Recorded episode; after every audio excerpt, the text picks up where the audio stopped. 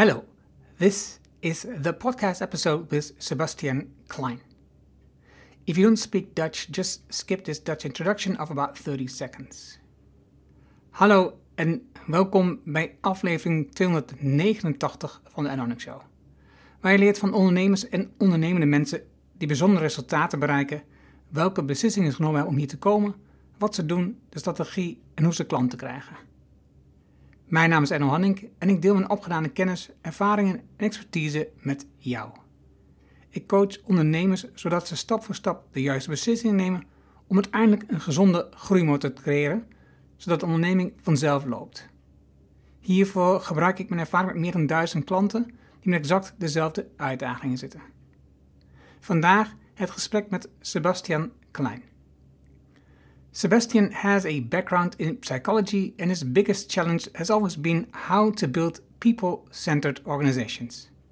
He founded 10 companies so far.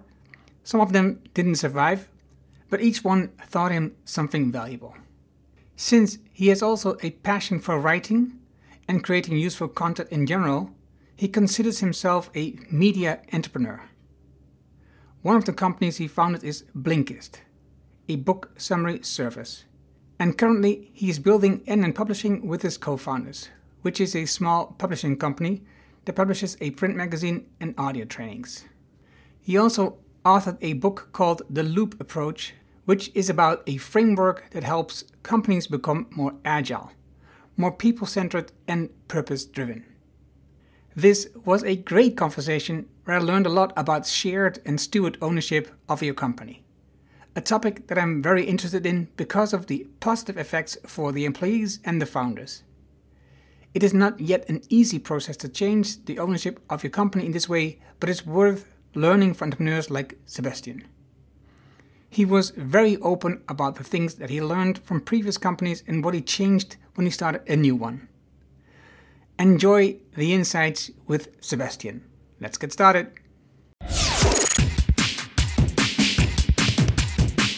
Welkom in de Erno Hamming Show. De podcast waarin je leert over de beslissingen om te groeien als ondernemer met je bedrijf. Luister naar de persoonlijke verhalen van succesvolle ondernemers en ondernemende mensen. Dan nu, jouw business coach, Erno Hamming.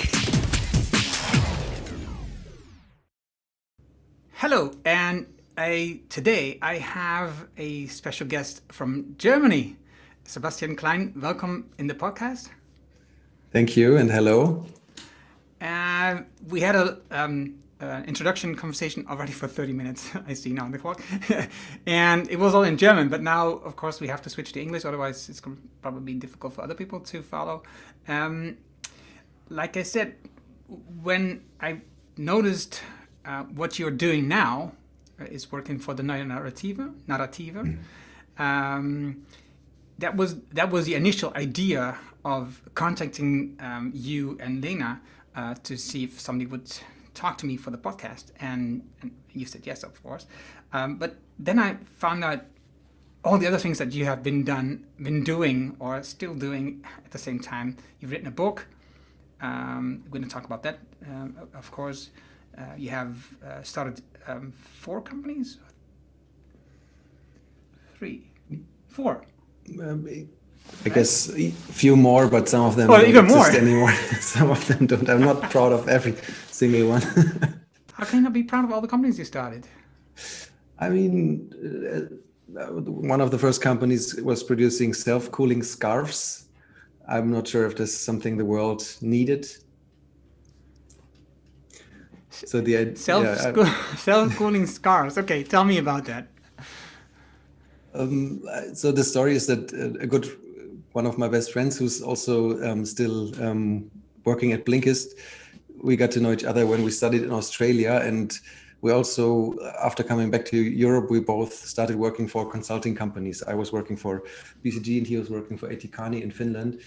And we both didn't like it very much, and then quit. And then we had both just read um, Tim Ferriss' The Four Hour Work Week. You might be familiar with that, and like the idea of um, only working four hours per week and we're looking for like a product that is easy to you know produce and easy to sell and we ended up with self-cooling uh, self-cooling scarves and um, called them penguin hugs which i think was a brilliant branding idea. Um, uh, we ended up selling, I don't know, maybe 1,000 of them. So we didn't, we couldn't retire.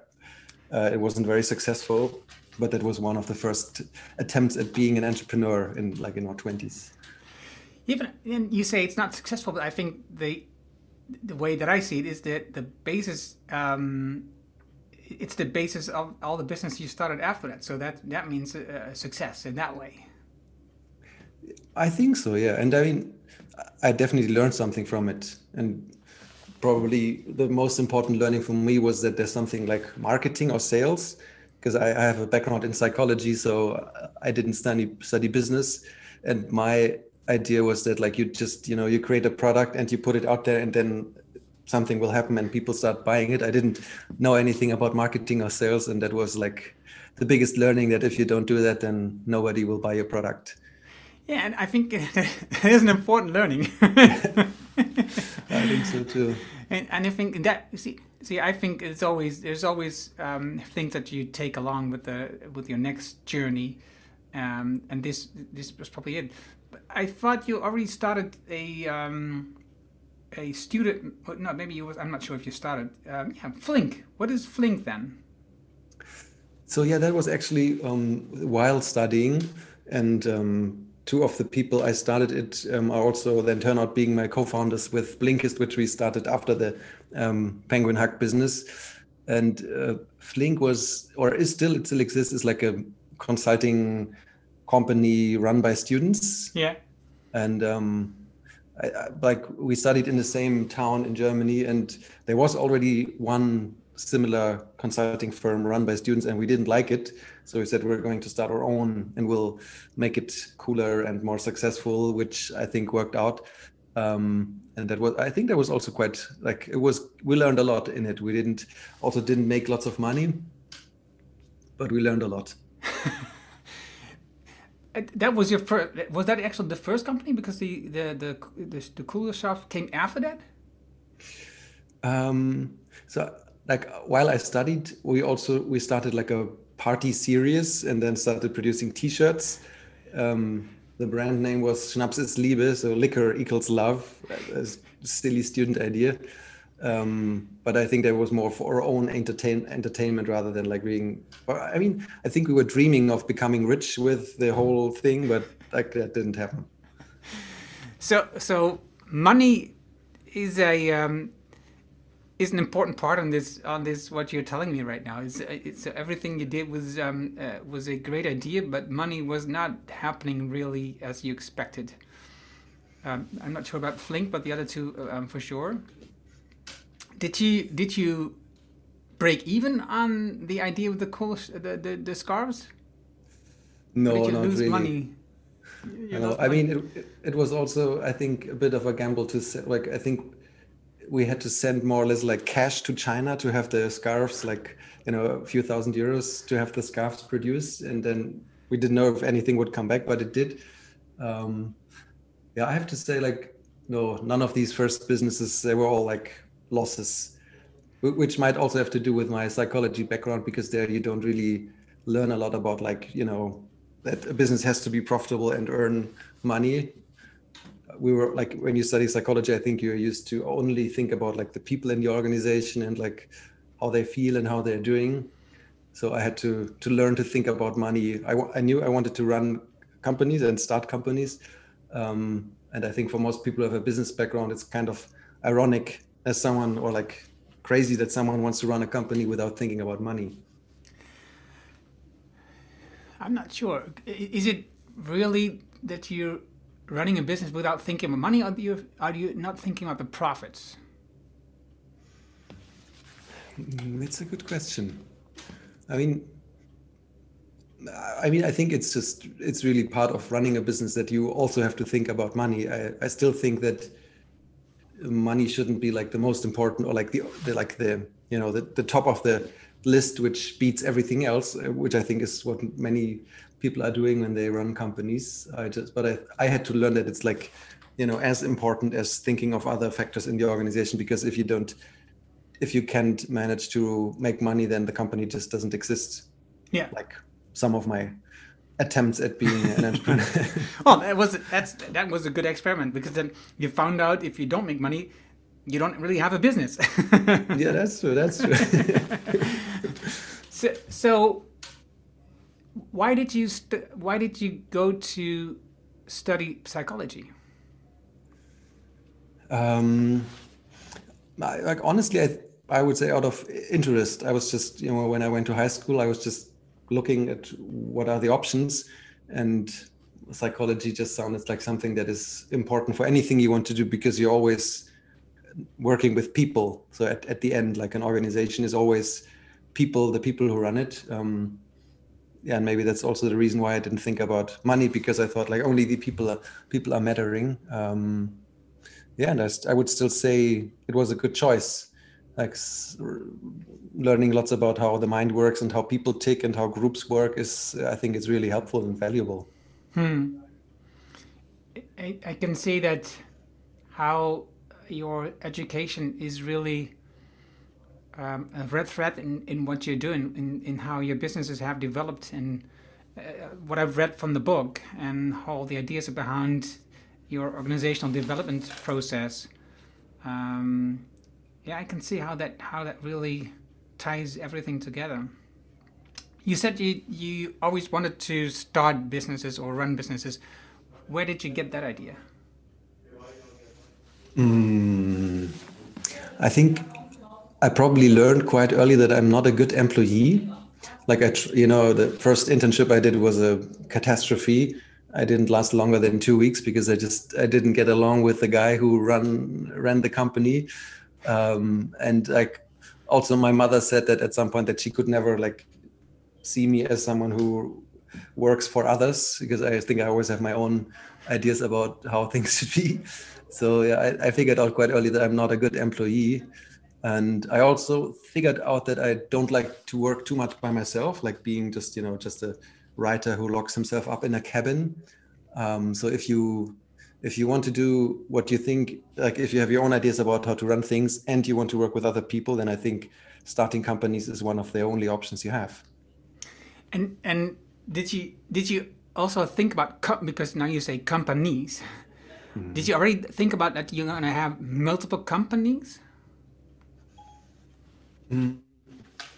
Probably not. Like, um, I think it was more that like whenever I started something, then after a while I figured that you know I saw something that I would do different the next time, but it would be quite hard to change. Um, right now, I feel that like for the first time, I'm getting the impression that I know enough about organizations that there won't be any big surprises. So I'm, I do not expect myself to discover something next year where I say, ah, this is something I would do different next time. So I have to start something new. Um, so right now, I would say I'm not really seeing myself starting another company next few years. But ask me again in two years, maybe things have changed. so, so what is it that? Because I, I think Blinkist is is really the first big company. Um, Oh no, the dive is no. The Blinkist is, is the oldest one, right? So, what is it that you thought at Blinkist that you really needed to change, and you couldn't change internally? Mm, so, like, there are uh, several things. Um, I mean, Blinkist is an awesome company. I think I would, I wouldn't mind still working there. Um, and at the same time, like one I discovered, like while we were um, building up Blinkist, I discovered this whole, like um, the, these whole new ideas about how a decentralized organization can run, which is not not so hierarchical. And has more like you know autonomous parts that do something that not like the top of the pyramid um, influences. Um, I discovered that, and I wanted more of it, which wasn't really possible inside this company. And one of the reasons is that Blinkist is like a, it's like an, a startup which has you know venture capital investors who have a very clear um, idea about what they want in terms of gro- growth and also returns at some point and who also influence how the company is like developing in terms of what people are doing and which products are being built. So in this setup you can't really i think you can't really build something that is completely decentralized because you have like a really influential or you have really influential stakeholders who want control and who want to know what is going to happen and who don't like this crazy idea of you know having lots of people who make their own decisions.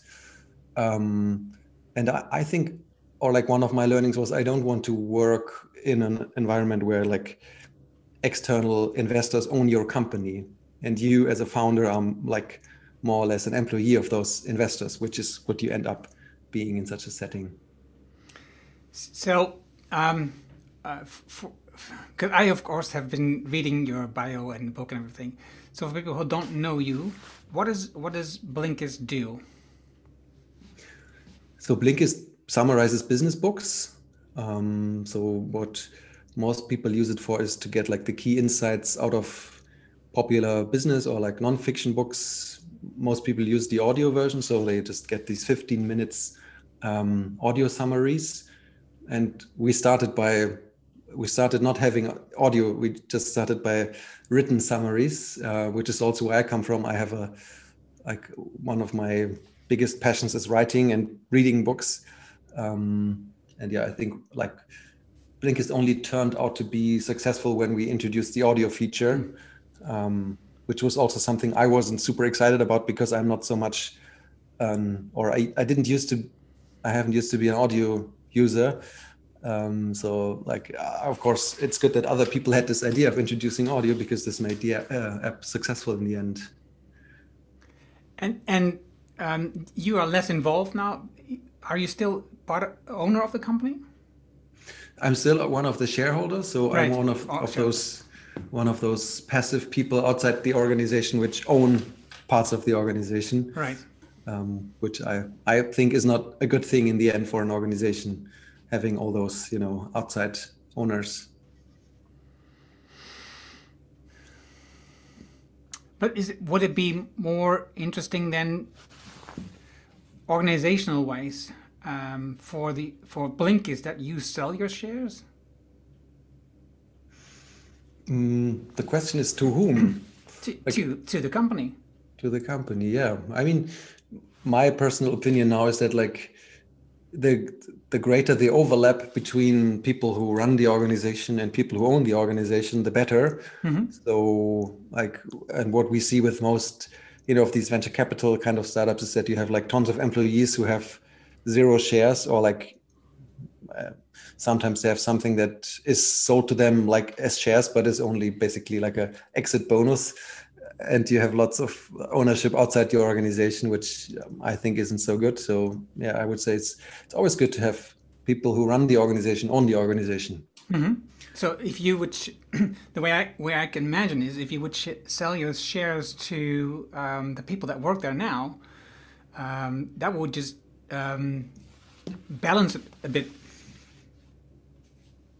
Absolutely, yeah, yeah, yeah. And I mean, like this is this is also like with our current company this is um, what what we try to do there with this steward ownership model so the, the company basically owns itself so it's if i leave the company now it's not that i still own parts of the company only only as long as i'm an employee in the organization i have like voting rights uh, but as soon as i leave it then i don't have any ownership yeah i've been i've been looking at um, an Arte documentary.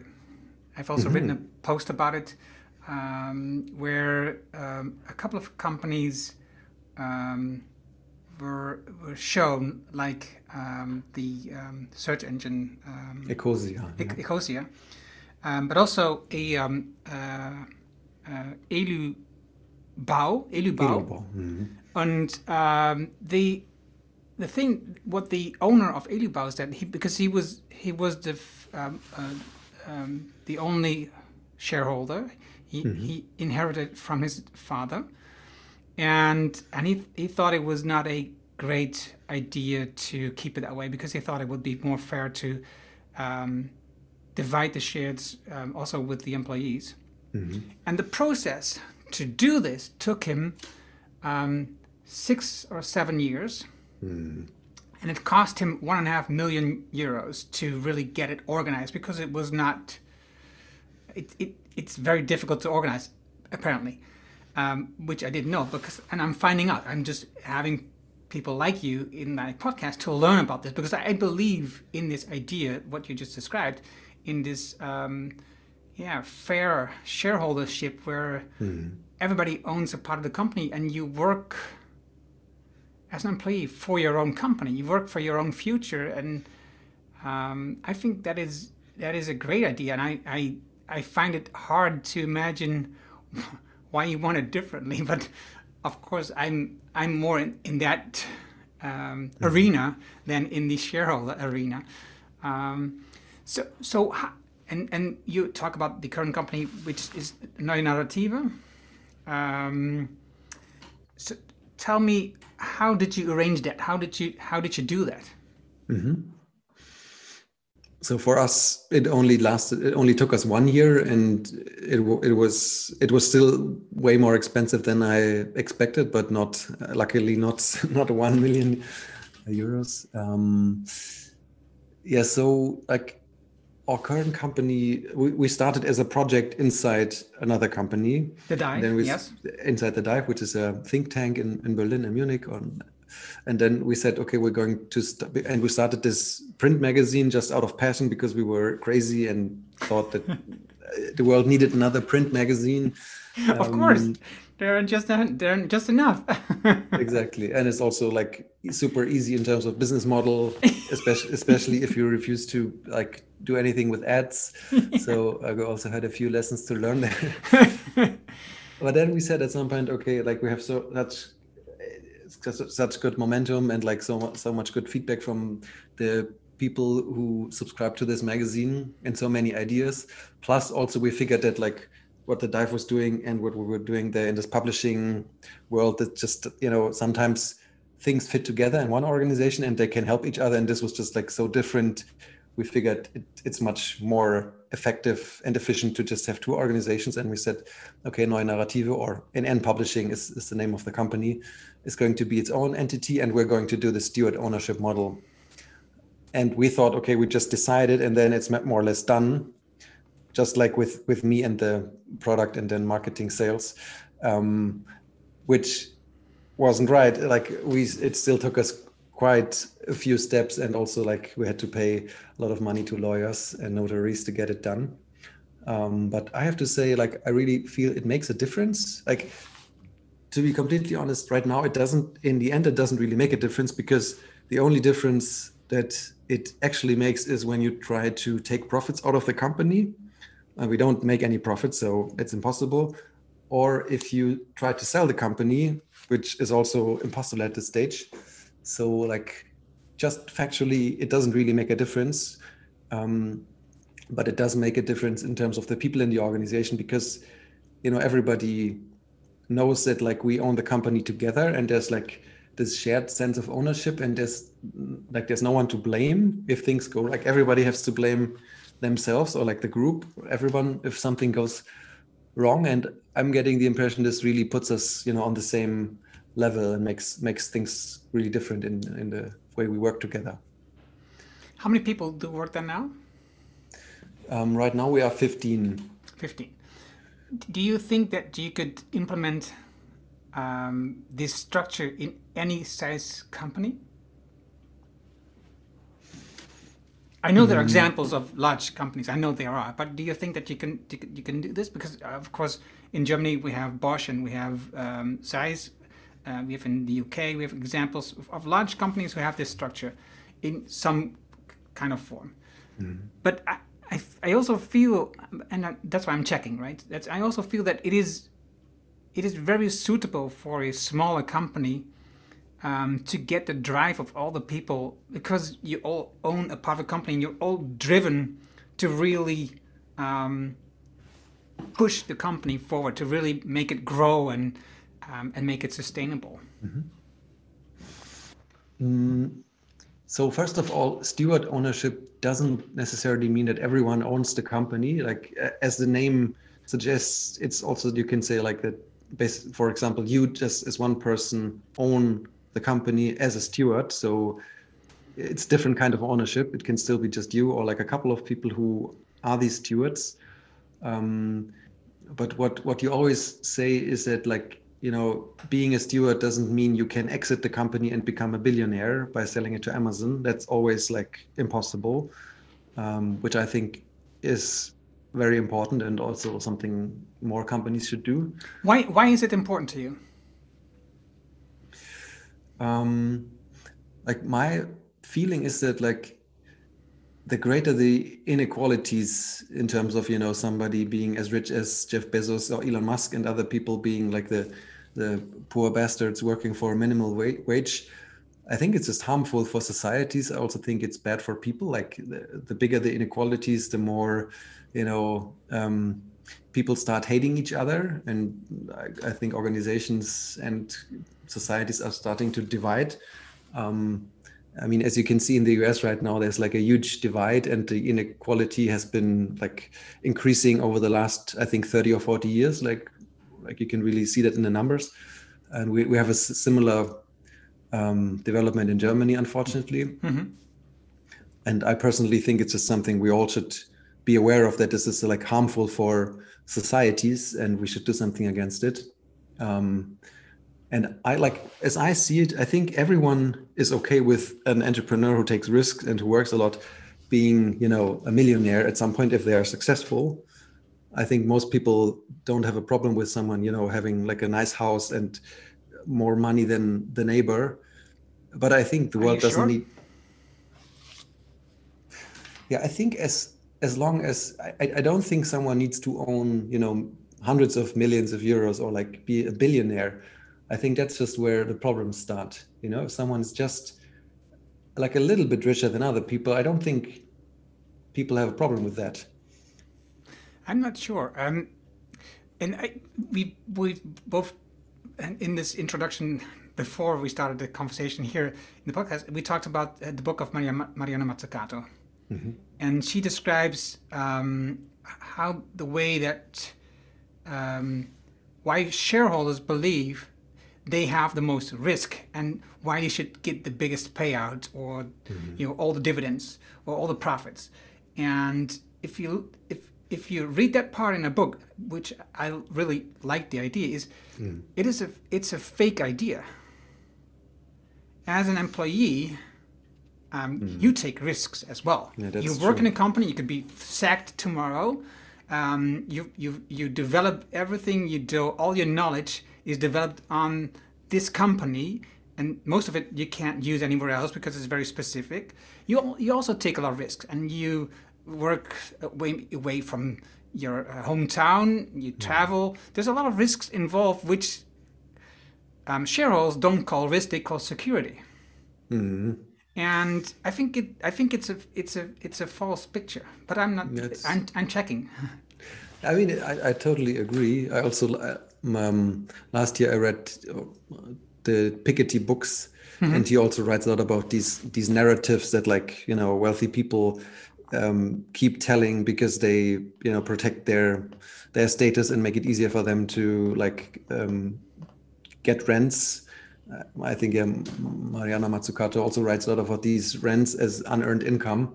Um, and it's definitely true. I also I also thought that at some point when I was working at Blinkist that like we're always talking about the entrepreneurial risks, while in end I always thought, okay, the employees have, especially in the beginning of such a startup, employees have a much higher risk because they they don't know when the company is about to to you know go bankrupt and they have a shitty salary too um, but i would still say that you know if someone let, let's just assume someone is you know taking some risks and like putting in hard work and like has some great ideas and builds something and uh, I think most people would be okay. And if that person, you know, some people don't really value being wealthy or like having a nice house and a nice mm-hmm. car.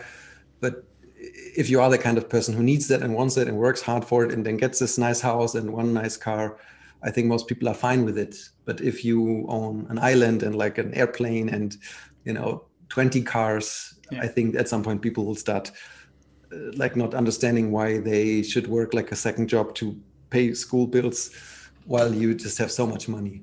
Yeah, I agree.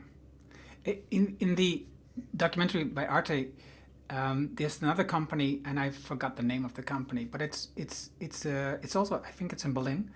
Um, there's two founders, and they produce biological um, tampons and condoms. Einhorn, yeah, yeah. Einhorn, in correct. I, I thought if I'm going to tell you this, you know what they are. Yeah.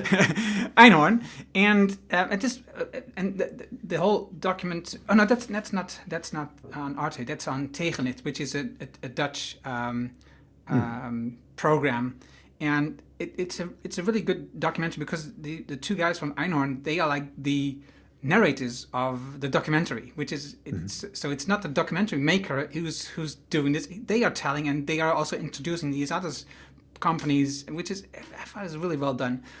But the thing is, at some point he's talking about so we signed away the ownership of, of, of our company, which um, on one part feels really good.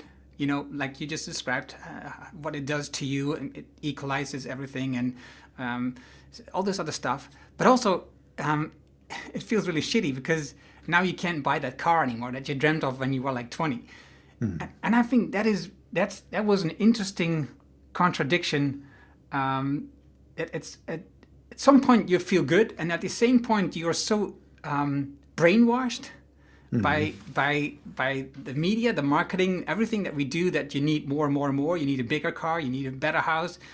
That it also feels bad that you've signed away because now I don't ever get that one million or ten million anymore because it's gone. Uh, do you have a similar feeling? Yeah, I mean, uh, on the one hand, even in this uh, steward ownership model, what we also did is we created some um, founders shares, which are which um, how should I describe it? So they are called founder shares, and they have a, value, um, and their value increases over time, but they have a cap. So we said in the very beginning when we started the company, um, there are 1 million founders shares and they're worth 1 million now and they can develop over time and they can grow to a total value of 2.5 million euros and this is like like all of these shares can be distributed in the team over the first couple of years and like basically being something if, if like i for instance if i take a shitty salary in the first couple of years then this can be like an extra compensation for my risk i took. And then if the company successful they can buy back those shares uh, which means you know i'm not going to be like a billionaire out of this but there can be some um, like a bonus for the risk i took in the early days once the company is successful so you can do that and I, I think it's i think it it makes sense to do that if you if you have people who are motivated by that. Yeah. um, and at the same time I'm, I'm feeling more and more that like wealth is also just you know separating people. I think it's much better to have good relationships to other people than a good relationship to your expensive car thing and or like to your two lofts. I think that's also what happens a lot with people who own a lot Yeah, and that's what I that's what I was just saying in the beginning. I can see the total connection to your studies that you've been doing, um, psychology, and all the things that you've been developing in the meantime. So, um, I what you're just t- say, what you're telling me is just this is what I'm hearing is is everything you told in the beginning about why you went to study psychology. You were more interested in people and um, and the working together, and that, that all um, explains this for me. Um, it it sounds very uh, beautiful, and um, the the ownership part. I, I also remember one other thing um, because you can put down a lot of rules, like you said, with with, with when you have this uh, uh, set up with the ownership.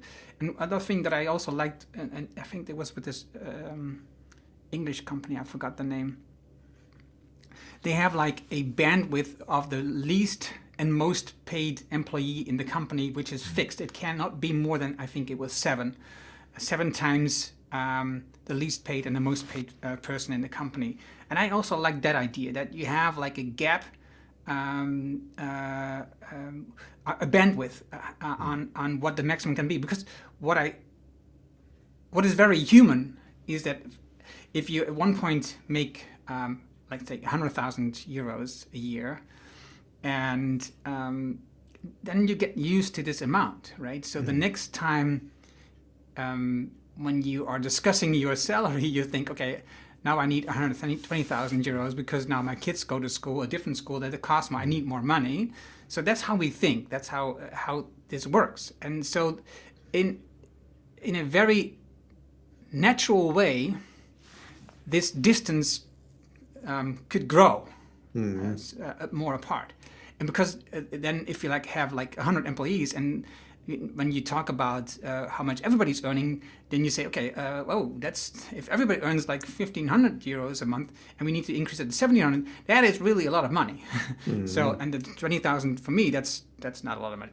So, I think it's a very natural way of thinking, and by putting on this bandwidth from the beginning, when you are um, not at that level, it's a very good start. Like you said, like if you have um, the value of the shareholder um, uh, uh, shares, shareholder shares, yes, um, and then you have a maximum. It can grow only to two and a half million. I, that, I like that idea. And we also we have this, or like our factor is three in the okay bandwidth between like the lowest and the highest. Um, we also discussed a lot about like we have a um, I think quite interesting salary process so everything is trans like everybody knows everything about like money in general like there's there are no secrets. Everyone can uh, know all the numbers and all the salaries as well. And we have this process where like everybody basically gives themselves a salary and like on the way there people give each other feedback. Um, and it's i like that. I like for me also it's like i like this idea of you know making everything available to everyone and everyone also has to be part of this which for me means that we're all like grown-ups you know? It's that you don't have this dynamic that like some people know something that other people don't know and then you might end up in this dynamic where like it's more like grown-ups and kids or something which i hate. Yeah. And this is more like everyone is a grown-up. Everyone has to set their own salary and everyone has to like get the feedback and give feedback and like you know own their own tensions and talk about them and i yeah. I think that's good. And one thing i also wanted to mention because you said that is i also think it's a quite crazy idea that like you know people who already earned the most money in the past also should earn the most money in the future. Because this is i think is the assumption that everyone or like most people have in our society. Like you could also argue the other way around saying like every right. the per- person who earned earned the most in the past should get less than the other people because they already had a chance to save up and like become wealthy Ah, that's I hadn't thought about it that way. Yeah, of course. Because like for us, when, when we discuss salaries, it's also that like this so-called market value, of course, you know, comparing yourself to other people in other organizations or like similar positions is one factor, but it's not the only one. And I think we tend to like salaries tend to be only be tied to this idea, what would I earn some somewhere else? And then my my salary has to be similar to that. Right. And do you have like salary discussions once a year? So the idea was to do it once a year. Like since we have just started, we're doing it twice a year because hmm. we felt that like this makes the it made the process too scary to know that this has to last then for a year. So we said we're going to do it twice a year. Yeah, I I um for the book podcast that we talked about before. Um, we've read the book um, Delivering Happiness by Tony Hsieh. Nice. Um, and he has also in, uh, used a, a, couple of interesting ideas within Zappos, um, his company. And one of the things that I really liked and that I talk about um, with uh, entrepreneurs or business owners is the idea of um, making your salary um, connected to your expertise. Mm-hmm. So they have like a academy, internal academy, and they have a library with all these kind of books um, so you can educate yourself and you can choose what kind of education you want. Uh, and what they did is that, for example, let's say that in normally if you do this um, um, uh, progress in your company, it takes you one and a half years to go to the next level. And then you see an increase in your paycheck, and you also see an inc- a, a, a, different title, for example, right? So you you've, mm-hmm. you've stepped up another uh, one level. But what they saw is if you chop that up in like six steps, so every two to three months, you make a move, and it depends on um, um, your willingness to educate yourself, to follow um, some training in the academy, for example. Um, that is the basis for increase in salary as well, mm. which of course also is transparent. You know what the next steps are, and you can def- you can decide yourself as a grown up, like you just said. Mm. Um, I want to do this. This is for me my next goal, and if you, and, and also if you um, look back at the book Drive, where autonomy um, and a clear goal and so on is really important, and also mastery is really important um, mm. for people to find their own drive. I think this is a really great connection to make um, how you look at um, salary or um, uh, bonuses and rewards and money. It just popped in my head. Sorry. Mm-hmm. That's very good. Uh, Tony died recently. Uh, yeah. You, yeah, yeah, that's that was the reason that we um, did the book because mm-hmm. um, we both felt it was a good idea to do the book because he was di- he, he died in November, uh, 2020, and um, but his ideas are really interesting. But also the book has some twists in there that we thought was really interesting when looking back at it, and you know, selling it the company to to Amazon, and he's mm. he's, I think. I, I thought about the book earlier in our conversation, but exactly what you described about the dependency on um, shareholders, right? So yeah. he had difficulty with the shareholders at some point, and he wanted to sell it to just one shareholder so he could you know, build on his future idea of a company which is all about happiness. So all these ideas came together in that book for me, so it was a really yeah. interesting.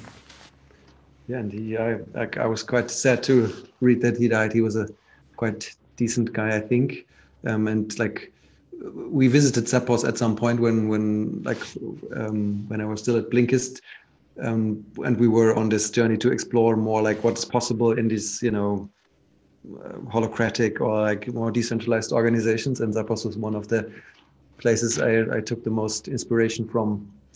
And it was also like for me it was also inspirational because um, Zappos also had this you know this positive side of the American stereotype like we came there and we were like greeted with open arms and like everyone talked to us and we were like there for one day and just felt like we got to know everyone in the organization, if, even though we had nothing to offer. We were just like curious, um, which is quite quite great. And we also got to know Tony, which is also not like um, like at least in Germany, I think in most organizations, the last thing you would like in most big organizations, the last thing you would uh, end up doing is getting to know the CEO.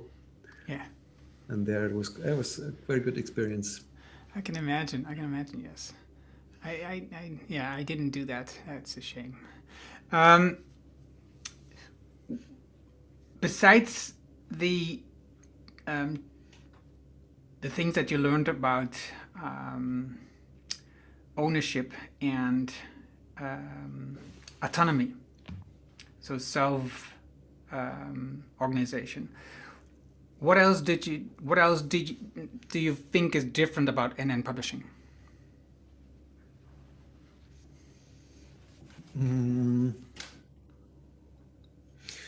So like I was uh, like in the past I was always trying to I was always I was talking a lot about like okay so I I discovered the next um, um, like in a computer game you would say the next level like the the next harder level in what what can be more progressive in an organization. And I like I think like for me at least right now the the highest level I know is this ownership level like really be, making your uh, like changing the way ownership works in an organization. And that's something we did different. And I would say that the next level below it is um, conflict and feedback like building an organization where really um, people give each other honest feedback and uh, like resolve conflict and understand conflict and really make it something um, you know that can be tapped into and used as as like energy and potential. Um, this is something we also spend uh, lots of time on, and I think especially now in these times of like working remotely all the time and never really being in the same room. Like we only met as a team once last year, I think, or like twice. Um,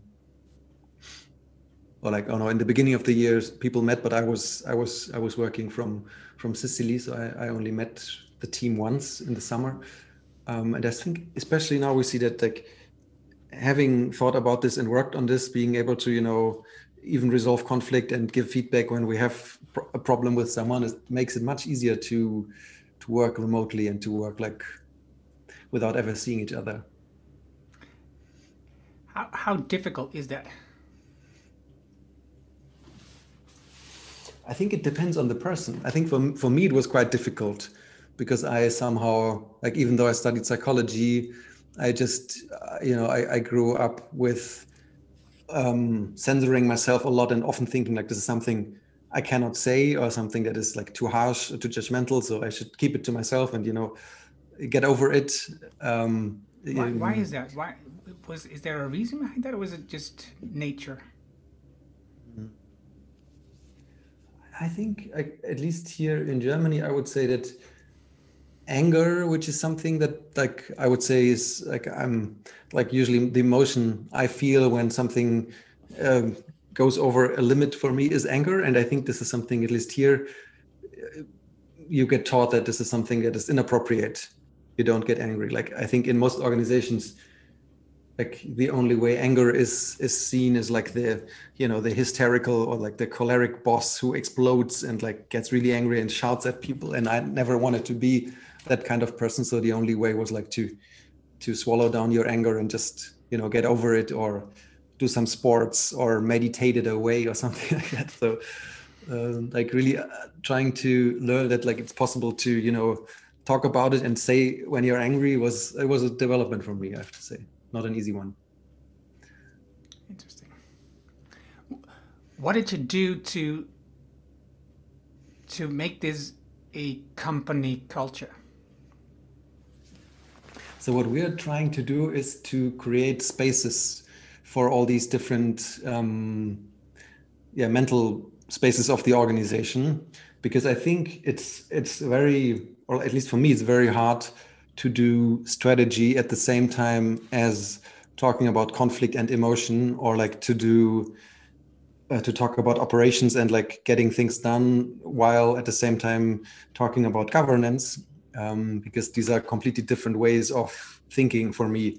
And what we're trying to do is really like say this is you know we have a space for where we do strategy like a couple of meetings and people know this is now about setting the strategy and the goals for this quarter. And we have spaces for like talking operations like really only about what are next actions what are our projects what are the obstacles uh, which is a completely different mode. And at the same time we have you know spaces for feedback and also spaces for conflict. And also something that i think most many people find a little bit um, funny but i think it's it's a good idea um, just spaces for like relationship building which means you know getting to know each other more on a personal level which also is something that doesn't really happen in a or if this happens in an operational meeting it's a shitty operational meeting. Or if it happens in a strategy meeting it's a shitty strategy meeting. So i would always prefer separating it you know and saying we don't do that here but we have a space for it. Hmm. it sounds kind of awkward. And with spaces you mean um, meetings? Or what what is what does space mean I mean, when I say space, I'm on the one hand, I mean it's like a mental space for me in my head. Yeah. And and when we create spaces, it's a meeting, of course. Yeah. Right. Right. No, but I, that's what I felt. It felt like something in your head, and you clearly want to separate that, which I I think also at some point. It could be weird because it's when you have a startup meeting and you are angry, then you can't really um, show it or dis- at least not discuss it because you have to wait for the other space to come. Am I just interpreting this wrong? Uh, no, I, I think you don't. But um, what what you what you end up doing is like if if you're getting used to processing your anger and using these spaces to you know resolve the conflicts you have with me, then you like you typically don't get very angry about me in a hmm. strategy mm. meeting. Yeah. So if this happens, then it's you know a sign for you that ah we need this other kind of meeting, and maybe we even have to stop now because I can't you know think strategy because I have this relationship thing, uh, which is also totally okay. I think to just say let's stop this now. I have right, a right. relationship problem. Um, but I don't know about you. For me, it was always like I like this idea of you know being in a certain mindset now. For example, mindset of creating something, working on a complex piece of text, um, or being in a strategy modus where I try to think about the future and like priorities and stuff. And I just don't like it when something pops into this space and really tries to get me into a different mindset. no, I can understand um, f- from my perspective and also from your perspective. I can understand that you have that you feel that, but of course, then you work with other people together in a team, and mm-hmm. When you talk about strategy and and like, I just had a coaching conversation. I just brought something up at the end, which I thought was small. It was uh, uh, a, like a basis for the next conversation. But I could see at the face of this person, it wasn't small at all. It was really a big thing, and um, and there was emotions there, and it's really f- weird to cut off the discussion and for me, uh, but also for her. Um, and because we could we didn't have the time to continue but uh, of course it, it, the emotion at that point is really there and um, so i can also say it is it is it is i understand your point of view but i also can i can also understand the other person's point of view when you're in the midst of a strategy meeting and you say something which is, sounds so logical to you as the next step and they go like hmm. what the hell this is not how i saw it and then you get this frustration um, but let's let's let's stop it here because um, I think it works for you, and I, I don't want to um, um, turn that around. That's not my idea. Um, you want to change um, the way the people work, and you want to change how journalism works. One thing that I saw about NN Publishing was a very open uh, year report kind mm-hmm. of thing, a financial report, year report, where you lay out everything about income and everything and the cost. And um, so, so why is that important? Because I can understand it internally that you do that and you share it with only employees. Why do you want to share it externally as well? Mm, so like on the one hand we say like we as we say we want grown up um, relationships inside the organization. We also want that with our customers. Like we want really to you know be on the same level and like have the same information. Um, or like we want the people to have all the information so, so they also know what we want and what we need because we trust that they um, you know if we treat them this way they also want something that is good for us um, you probably know this, this book by uh, Rutger Bregman, or how do you mm-hmm. um, I totally like agree to everything he says about like um, the like positive view of of people. That like if you treat people in a positive way and just assume that they have positive intentions, they will end up like doing that exactly. And if you treat people by you know giving them incorrect information or trying to manipulate them with with um, marketing and stuff then of course they will interact with your brand or your company in a completely different way. And we just like this more um, grown up way even though I mean, it sounds a little bit arrogant but i think you know what i mean. Yeah yeah i didn't i didn't see it as an arrogant thing. Um, you don't want ads in your magazine as a start. A start. Why didn't you want ads? Mm, so, like, we came to this magazine world knowing almost nothing about magazines, and we were quite surprised about many of the things. And like, I find it quite surprising to see that like so many print magazines are being printed. Half of them, like half of the paper, being printed with Rolex advertisement or like other ads. Um, and then half of the magazines end up being you know thrown away before anyone has read them. Like the whole i think the whole at least i only know this this german model. I think it's quite similar in other countries. Um, but i don't think it's it's a good way to copy something like that which is so not up to date anymore and printing ads into a print magazine while like the costs or like the the prices people are paying for that are decreasing all the time because everyone now is online. I think it's just a crazy idea. So uh, we didn't want to do that. And like uh, we also like our impression was in the beginning we would do ads but only for companies we think are great. And those companies wouldn't pay for ads. They would only want to be there for free. And the companies who would pay money for like you know full site uh, full page advertisements we don't want them in our in our magazine. Um, what we ended up doing is you know we have partners who can appear in in the magazine with their logo and they can say something about themselves which is something like we find like is is increasing the value of the magazine. It's like i think a normal ad would decrease the value and this is like just you know showing your partners which is something that increases the value and it's like a good good way to work together. What, what is how is it based because you said you talk about partners do they each pay the same um, amount of money to be a partner? Do you have different levels? How do you organize this? Mm.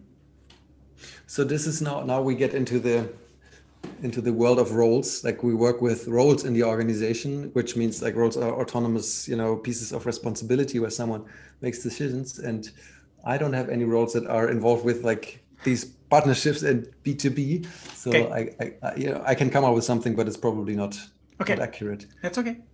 that's, that's fine. Okay. I want to um, uh, go a little bit into the book um, because I think what you did in the book, um, tell me if I'm wrong, most of it are you using to build the NN Publishing? Mm, no, so the book like um, I would, if I have to summarize the value of the book, I would say it's like a um, team-based transformation framework. So um, yes, we are, are, using a similar framework to develop our own organization, um, but the whole like the concept um, came up when we were working with like bigger companies like corporates, trying to help them, you know, transform the ways they work and like become more agile. And um, my impression was that like teams are a really important focus there. That like if you want to change an organization you have to change the way teams work. Uh, that's why it ended up like a team-based process um, or a framework. And we also figured that like there are all these great tools out there like holacracy getting things done nonviolent communication. But it's so much that it's really hard to you know look at everything and figure like learn everything or find out the the right tools. And what we were trying to do is give a framework where people at least know these are the questions we need to ask and then find like you know certain tools or elements of tools that we can use to answer the questions. And um, i think it makes transformations much easier rather than like saying we have to learn holacracy completely and then we have to learn GTD and then we have to learn nvc and then the next 10 things which of course is not possible for a big organization and even for a small one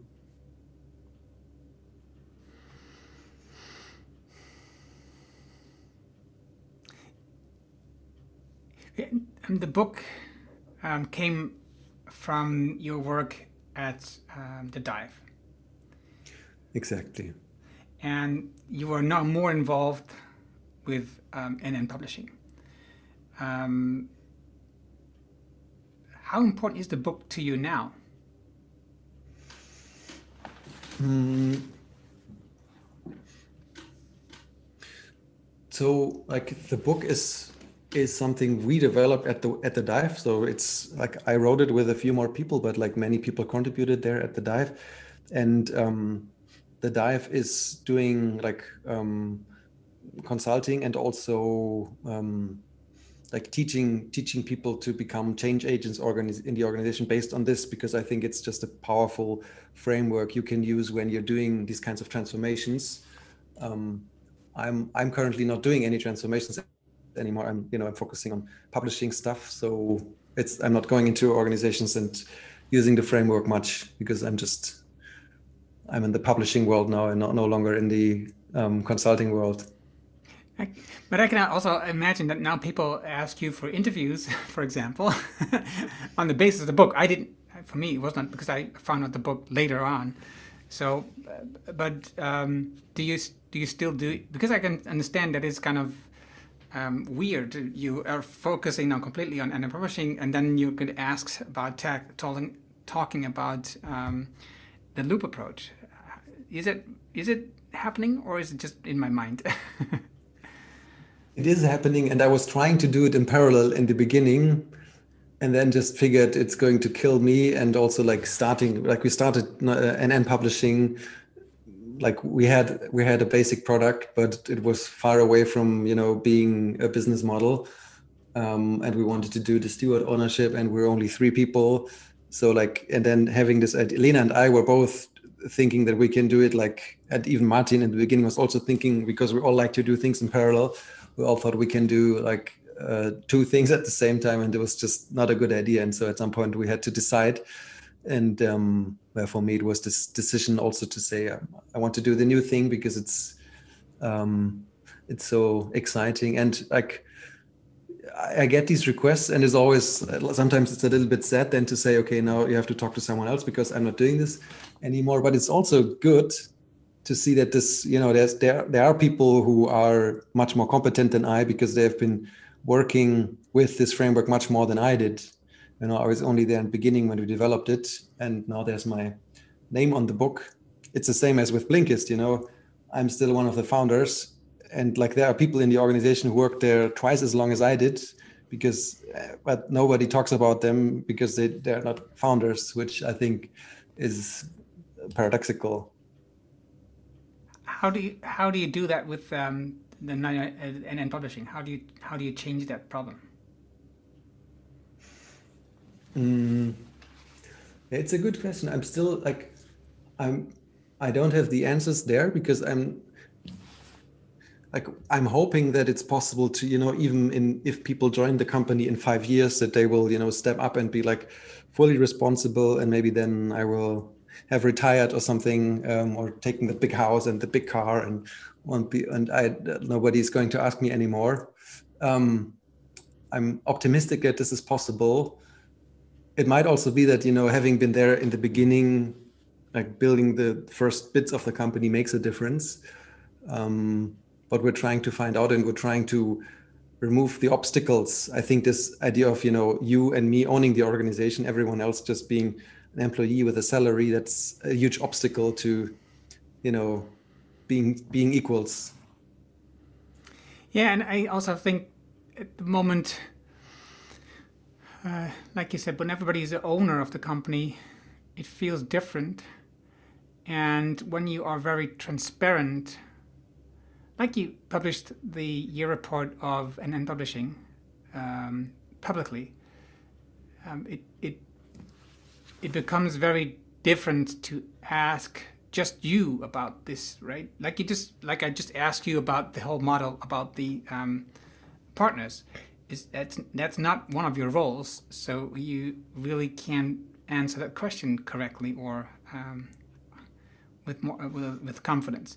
So I think also with the um, self-organization, we have all these kind of roles. You could you could change and rotate roles so that um, it will be less difficult to see one person as a hero in the company.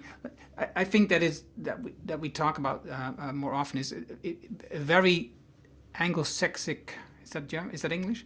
Mm-hmm. um, way is that there is the owner, the founder of the company. That's really a hero, right?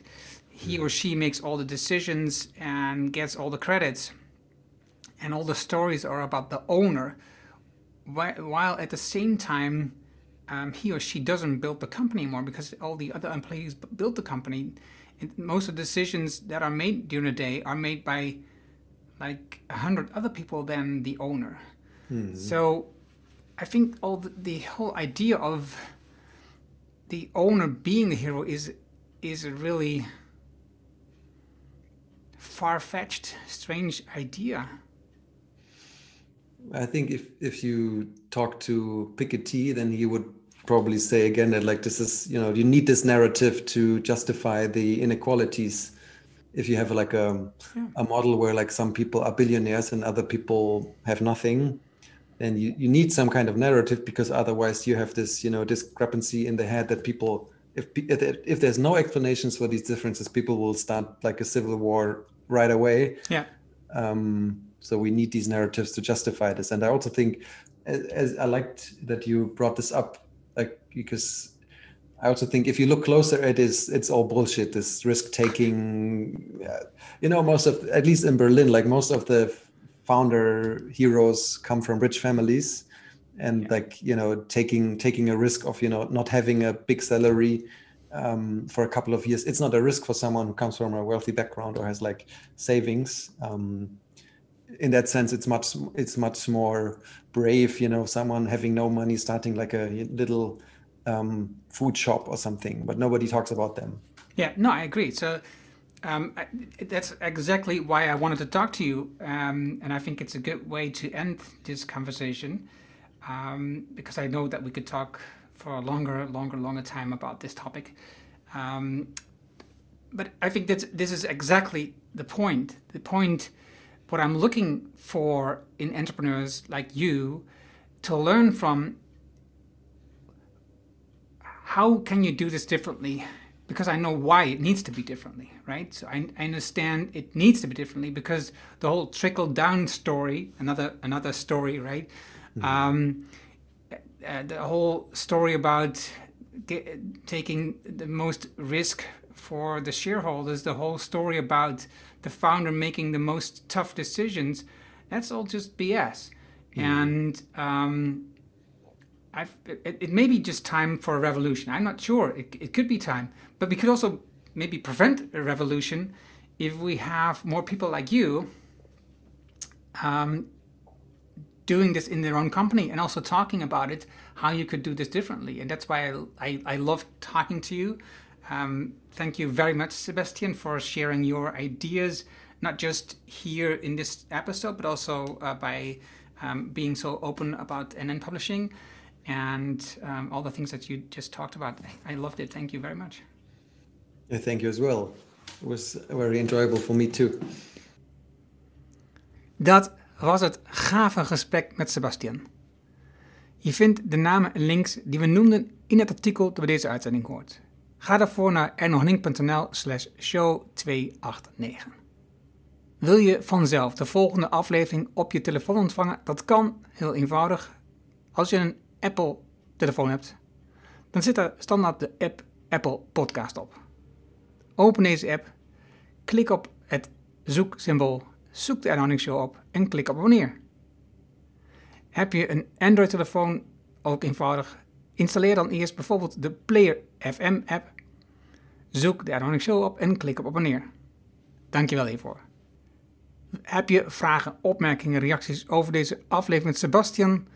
of over de podcast in het algemeen, stuur dan jouw vraag naar podcast.ernohanning.nl. Ik hoor super graag van jou. Wil je leren hoe je meer uit je team haalt door meer aan ze over te laten? Wil je leren welke hardnekkige gewoontes je tegenhouden om te groeien? Wil je weten wat het juiste moment is voor een beslissing? Vraag dan het boek Betere Beslissingen voor een Beter Team aan op ernhonning.nl. Dit is mijn nieuwste boek en zoals altijd, de nieuwste versie download je helemaal gratis. Je hebt zelfs geen e-mailadres nodig. En er is ook een Kindle en EPUB versie. Wil je de papieren versie van het boek? Dat kan ook, dan betaal je alleen de verzendkosten. Het boek blijft, zolang het de nieuwste is, gratis. Vraag het daarom nu aan op ernorning.nl. En ik weet, je hebt een volle agenda. Je leest het in één avond tijd. Dankjewel voor het luisteren en graag tot de volgende. Dankjewel voor het luisteren naar de Erno Hanning Show op ernohanning.nl.